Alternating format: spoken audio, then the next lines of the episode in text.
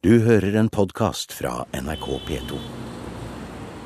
Fra takterrassen på villaen til Det norske institutt i Roma ser vi et panorama fra de skogkledte åsene rundt og selve byen med de sju høyder. Instituttet ligger jo fantastisk fint til her oppe på Gianicolo. Eh, altså Det meste av Roma sentrum ligger jo under oss. Eh, vi er over eh, de andre høgdene. Vi er over Palatin, vi er over Aventin, vi er over Kapitol. Borgeseparken ser vi på andre sida. Vi ligger over den. Så vi har et av de beste utsyn i Roma. Det får man her fra taket på Det norske institutt. I et tidligere program har Nidarosdomens arkeolog Øystein Ekroll tatt oss med rundt til noen av de eldste kirkene her i Roma. I fotsporene til erkebiskop Øystein Erlendsson, som besøkte denne byen midt på 1100-tallet for å finne inspirasjon til den nye Nidarosdomen og kulten rundt Hellig Olav. I dag skal det handle om andre sider ved forholdet mellom paven i Roma og middelalderens Norge. Vi skal høre om pilegrimsreiser og Vatikanets arkiv, og til og med høre noen ord fra selveste kardinal Ravesi, som er øverste leder for kulturarv og hellig arkeologi i pavekirken. Med oss på taket er også Norges ambassadør til Den hellige stol, Rolf Trolle Andersen. Han ser ikke bare Roma fra takterrassen, men også barndommens gater. Ja, du, For meg er det jo nesten som å komme hjem. Jeg bodde her i fem år uh, da jeg var liten. Så, og Det var på et tidspunkt hvor man kan si verden var litt mer naiv, og i hvert fall følte den som ufarlig. Så jeg vandret rundt som guttunge i alle gater i, i byen, og fikk en kjempeinteresse spesielt for da uh, klassisk arkeologi. Så vi ser Pal uh, Palatinhøyden til høyre. Ja. Og så kan vi gå bortover, og vi ser forbi Forum Romanum, og så kommer vi til Victor Emanuel-monumentet. Vi ser Quirinale, vi ser nedover mot det franske kulturinstituttet, som da ligger på toppen den spanske trappen. Vi kan se nedover til Justispalasset, og så bak, som ikke vi ser ordentlig, Ja. så ser vi da Peterskirken. Og for å komme inn i Peterskirken må vi passere sveitsergardistene, som er det konkrete bevis for at vi har kommet inn i Vatikanstaten.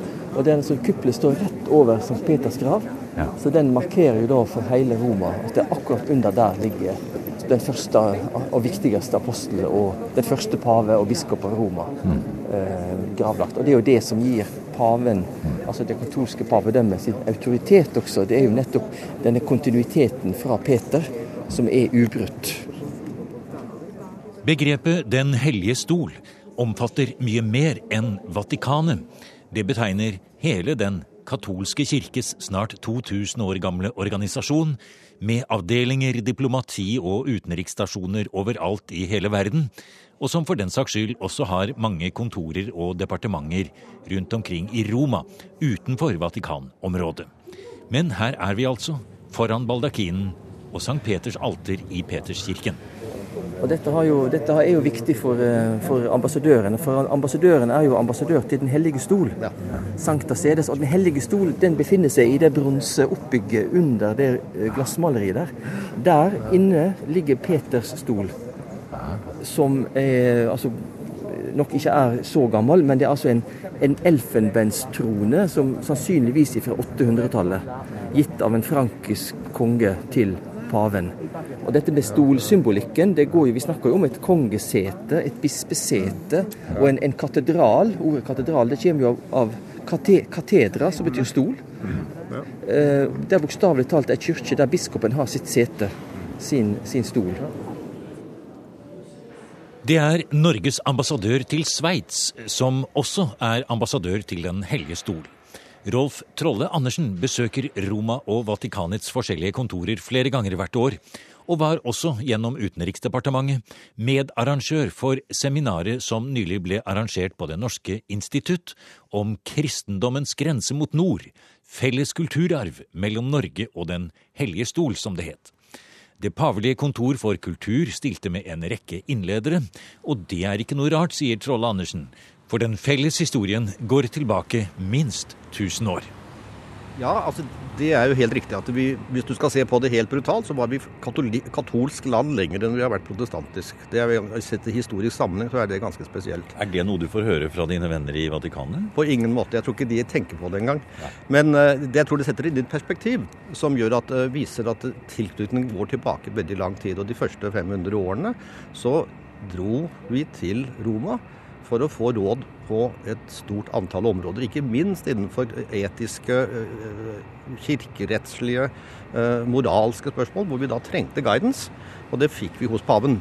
Eh, det endret seg jo brutalt etter reformasjonen, men det forhindrer ikke at de verdiene som den kristne kirken bygger på, også er blitt et fundament for den norske statsdannelsen. Eh, og så utviklet jo dette seg i løpet av denne perioden, og ikke minst de siste årene er dette blitt veldig endret. Ikke minst ved at Norge er blitt et plurikulturelt samfunn, hvor vi har fått innvandrere fra en rekke forskjellige deler av verden med forskjellige kulturelle bakgrunner, forskjellige språk, men ikke minst også forskjellige religioner. Og Det snakker jeg med mine kolleger i Den hellige stol om. Hvilken effekt det har på, uh, på, på Norge, på samfunnet. Uh, hvor de ser en sykularisering i det norske samfunnet, ser jeg også en annen side. Som er da at vi har en mer informert debatt omkring verdibaserte spørsmål. Til dels influert av andre uh, innflyttere. Folk som da er født i Norge, men har en annen religiøs bakgrunn. Og som da skaper en informativ, informert debatt, og gjør oss rikere hele tiden med utgangspunkt i de verdiene som vi selv uh, holder kjær. Og Det er også av grunnlag, et av grunnlagene, en av grunnene til at vi har endret på Grunnloven når det gjelder uh, statskirkens forhold til, eller kirkens forhold til staten. Ja, har, har dine kontakter i Vatikanet spurt om akkurat det? Nei, de vet om det. Dette er et, det, skal vi si det sånn at eh, Den hellige stol eller Vatikanet de, de har en veldig informert utenrikstjeneste. Eh, det er ikke stor, det er en lite, uh, liten stat, men de har altså et apparat ute gjennom sine nunciaturer, altså sine ambassader, og ikke minst gjennom det kontaktnettet de har gjennom den katolske kirken rundt om i verden. Og Det gjør at de følger med. De er informert. Eh, og jeg tror, jeg, kan si at de også føler at de, de, er interessert i mer kontakt, også opp mot land som Norge. Og Så kan du spørre hvorfor det. Eh, noe av det tar utgangspunkt i sånne, sånne, ting som at eh, Norge har en høy profil innenfor noen av de områdene som Vatikanet er interessert i, som er f.eks. fattigdomsbekjempelse. Det har å gjøre med fredsprosesser, som har å gjøre med ja, nedrustning, hvor også Vatikanet støtter norske initiativer altså områder hvor det ikke er den store forskjellen eh, mellom Norge og, og, og, Den hellige stol. Vi ser stort sett likt på denne type ting. altså F.eks. Vatikanet var stor støttespiller i forbindelse med, eh, med Minekonvensjonen. Eh, vi har på flere områder veldig, veldig, gode forbindelser. Men så er det andre områder hvor vi da kanskje ikke ser helt likt på tingene. Ikke minst innenfor reproduktiv helse, innenfor familiespørsmål. Vi trengte guidance, og det fikk vi av paven, sa ambassadør Trolle Andersen. Og la oss høre litt om hvordan det kunne være å legge ut på en reise til Roma fra det ytterste nord for å besøke pavekirkens maktsentrum i middelalderen. Historiker Sigrun Berg Høgetveit fra Universitetet i Tromsø fortalte på seminaret om en særdeles lang og kronglete pilegrimsreise for 500 år siden, på Suderveien.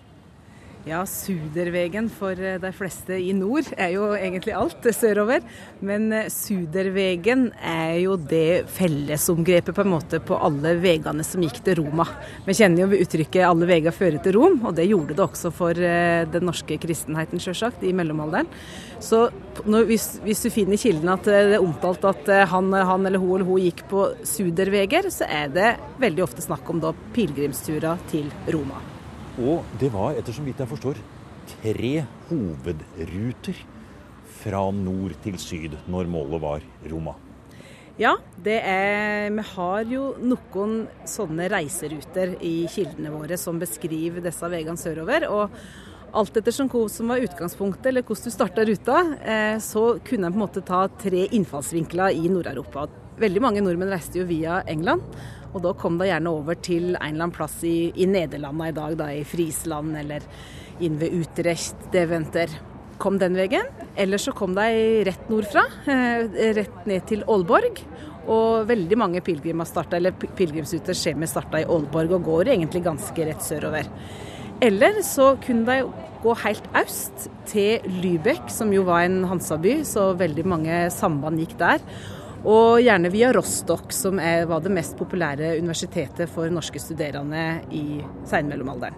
Så det var de tre startene. Og så er det da ulike veier selvsagt sørover i Europa, men de aller fleste måtte komme seg gjennom Alpene på et vis. Og da, da, er det på en måte et par hovedruter der, men da møtte de jo alle de andre pilegrimene sørover i Europa, så det ble, veien ble breiere og breiere, for å si det sånn. Nå er det jo ikke så lett sikkert å si noe helt sikkert om hvor mange som fulgte disse veiene. Men skal vi bare forsøke det litt? Eh, vet vi noe i det hele tatt da om hvem som reiste, og hvor mange de var? Nei, vi veit ikke hvor mange det var. Det er ganske vanskelig. Vi har jo i vårt eh, norske kildemateriale så har vi bevart en del eh, enkelttilfeller av, av enkeltpersoner som vi vet har reist eller skulle reise. Og det fra den første tida er det bare gestlige, altså fra 1011-1200.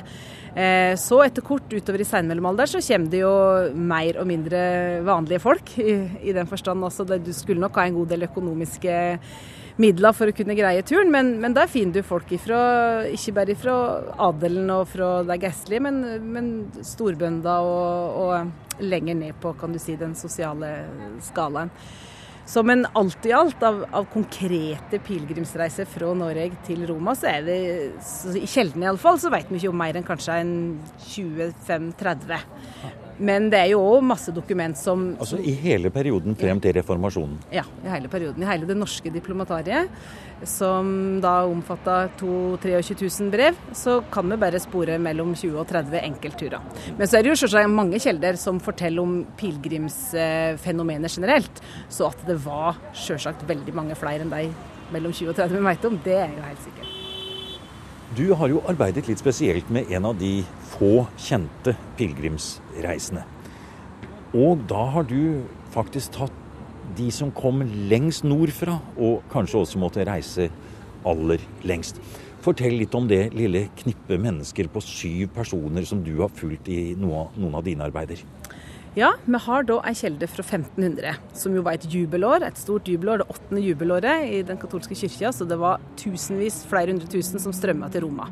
Og mellom dem er det sju fra Nidarosprovinsen, der seks av dem var familie fra helt nord, Trondenes og Andenes eh, i Sør-Troms, som reiste sørover. Og den ene, det er tre brødre. Og den ene av de brødrene han er dekan i Nidaros, dvs. Si han er nestkommanderende under erkebiskopen i Nidaros. Han er prest. Og så tar han med seg sine to brødre og deres koner og sin gamle mor og reiser til Nidaros. Dette må jo ha vært et utrolig både kostbart, eh, stort og vanskelig prosjekt å få til? Det må det ha vært, også for deg. Men uh, disse herre um, han, eh, Dekanen er selvsagt bemidla, men hans brødre òg er veldig Det er ikke adel, men det er av Norges rikeste slekter på denne tida, rundt 1500. De var jekteskippere og fiskehandlere fra um, Sør-Troms, som da var Sør-Troms var på en måte ja, the booming place, kan du si, i Norge på den tida. Altså, Lofotfiske og fiske i nord er jo på sine høgder med absolutt størst eh, inntjening, og dette er veldig rike områder. Så de som hadde hand om eh, fiskehandelen og eksporten, tjente store, store penger. Så det må vi gå ut fra at det er måten de greide å finansiere. Pluss at de hadde da kan du si, infrastrukturen. De hadde båter, de kunne sjøl komme seg ganske langt sørover med båt. Og så hadde de da eh, kjennskap gjennom broren da, som er nestkommanderende i Nidaros. Så de hadde liksom både den gastlige og den verdslige elitedimensjonen med seg. Mm. Og kanskje hadde det noe med penger å gjøre det at de reiste også, for eh, bortsett fra at man skulle reise på pilegrimsreise for sin sjels skyld og for sin frelses skyld, så var det jo også andre grunner til å reise akkurat til Roma. Definitivt. For han eh, dekanen da, i Nidaros, eh, reiselederen må vi tro i vår gruppe, han hadde blitt fratatt en av sine hovedinntektskilder. Han har blitt skylda for eh, økonomisk snusk, så han var fratatt inntektene fra nettopp Trondenes, som var det rikeste, antagelig det rikeste prestegjeldet i Norge på denne tida. Og på 1500-tallet så var det jo heller ingen garanti for at en reise skulle kunne gjennomføres. Eller det var ikke helt sikkert at de skulle komme hjem. Det er mange farer som lurer. Men hvordan var det med disse da? Kom de til slutt hjem? Og var turen vellykket? Vi må gå ut fra at turen var vellykka. Ja. Sakse fikk tilbake sin hovedinntektskilde, og de kom hjem. Og Sakse han fortsatte å være dekan eh, i Nidaros fram til sin død i 1506. Og Familien hans og mange av deres etterkommere kjenner vi igjen i eh, på en måte sirklene rundt eh, den geistlige eliten fram mot 1536. Og da en av disse her brødrene, Engelbrett, er jo da far til Olav Engelbrettsson, som jo er vår siste erkebiskop. Så det her var, det her var innflytelsesrike slekter. Morte nella stanza del malato. Amore e morte.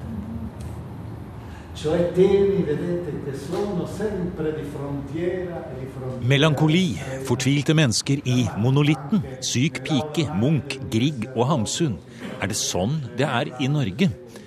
Den som taler, er en av de mest innflytelsesrike personer i den pavelige curia i dag, kardinal Gianfranco Ravasi. Pensiamo soltanto, io pensavo adesso così, alla casa di Bambo Han er president for pavekirkens konsilier, både for hellig arkeologi, som det heter, og kirkens kulturarv. Ravasi har også ledet arbeidet med ny struktur i Vatikanet, som har som hovedmål å fornye dialogen mellom troende og ikke-troende. Og det var han som fikk paven til å åpne Twitter-konto. Rundt omkring i verden arrangerer kardinal Ravasi det som på engelsk kalles Court of the Gentiles, en møteplass mellom legmenn, troende og ikke-troende. Sist i Stockholm i september 2012. På seminaret i Roma fortalte han de norske gjestene at han gjerne så at en slik legmannskonferanse kom til Norge i 2014, på tusenårsjubileet for Olav den helliges dåp i Luang alla celebrazione di Olaf nel 2014, forse nel 2015, io desidererei, qui lo affido un po' all'ambasciatore Andersen se sarà presente ancora, di poter fare anche in Norvegia un cortile dei gentili. Man kan jo trygt si at dette forslaget er ganske langt fra slik det var den gangen man måtte reise til Roma og legge fram sin sak for Kurian hvis man var kommet på kant med kristenretten. Det kunne være et spørsmål om liv eller død, i hvert fall evig liv. Tenkesettet var så annerledes i middelalderen at vi har vanskelig for å forstå det i dag, sier professor Torstein Jørgensen fra Misjonshøgskolen i Stavanger. Nei, altså, Middelalderen var religiøs tvers igjennom. Det var liksom ikke noe alternativ. Ateismen var enda ikke oppfunnet, og folk regnet med at virkeligheten utenfor denne sansbare virkeligheten var mer egentlig enn denne. Og livet var på en måte en slags testreise, en arena hvor eh, de himmelske, eh, overnaturlige kreftene, Gud og englene og Maria, eh, helgenene på en måte, var virksomme. Og fra fødsel til grav så representerte Kirken en struktur som omfattet alle. Eh, hver eneste voksent menneske måtte f.eks. gå til Skriftet minst én gang i året, helst to. Eh, de hadde kontakt med presten. Alle kirkelige handlinger, fra dåp til konfirmasjon, ekteskap, gravleggelse. Eh, man henvendte seg til presten dersom man var syk. Man henvendte seg til presten hvis en ville få vigslet et fiskegarn eller en åker. Eh, religionen var integrert, og kirken var en del av det daglige liv.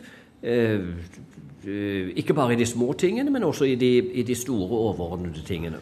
Det vi har av skriftlige kilder fra denne tiden, små og store, gir et tydelig bilde av at selv om middelalderens Norge lå helt mot det ytterste nord, så var tankegang og mentalitet nokså lik resten av Europa, sier Torstein Jørgensen. Inni alle disse kildene så fins det eh, mange stemmer som viser hvordan eh, de ytterste, den ytterste nordre grensen i Europa var integrert i eh, en europeisk enhet. Og På mange måter kan vi si at Roma det var datidens Brussel. Og Den katolske kirke minner om et datidens EU. E og de hadde eh, strukturer som eh, omfattet alle land. Og folk reiste på pilegrimsferd i andre oppdrag, frem og tilbake, opp og ned mellom Norge og Roma. Og de hadde med seg gjenstander, tanke, tankeganger, impulser.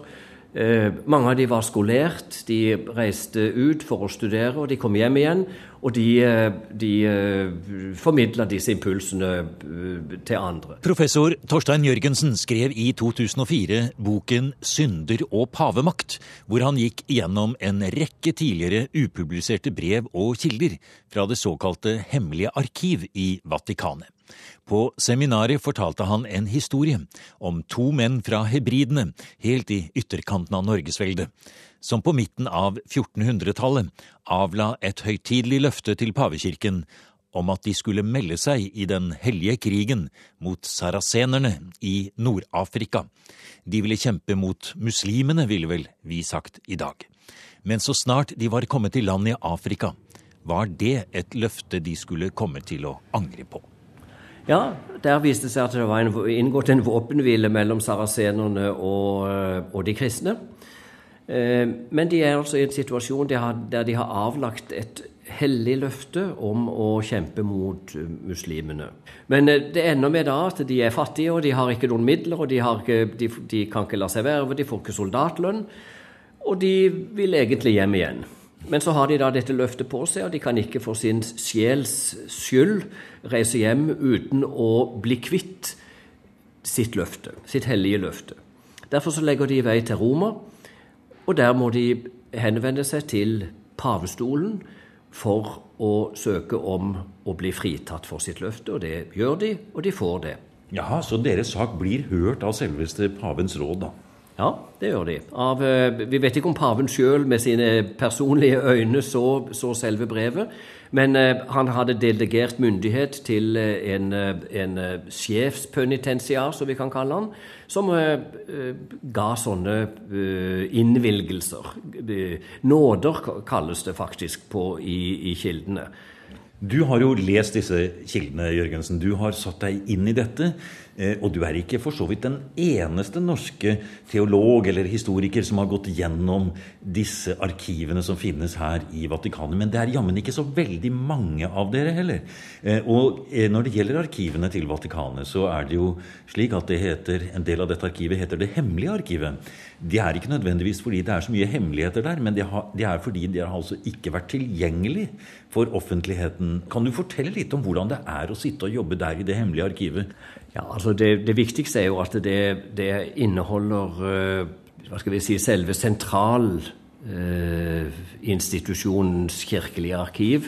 Der alle, altså alle, veier gikk til Roma. Det gjaldt ikke bare for uh, de fysiske veiene, men det gjaldt også korrespondansen. Og i Vatikanets uh, kjellere så er det ca. 150 hyllekilometer med dokumenter.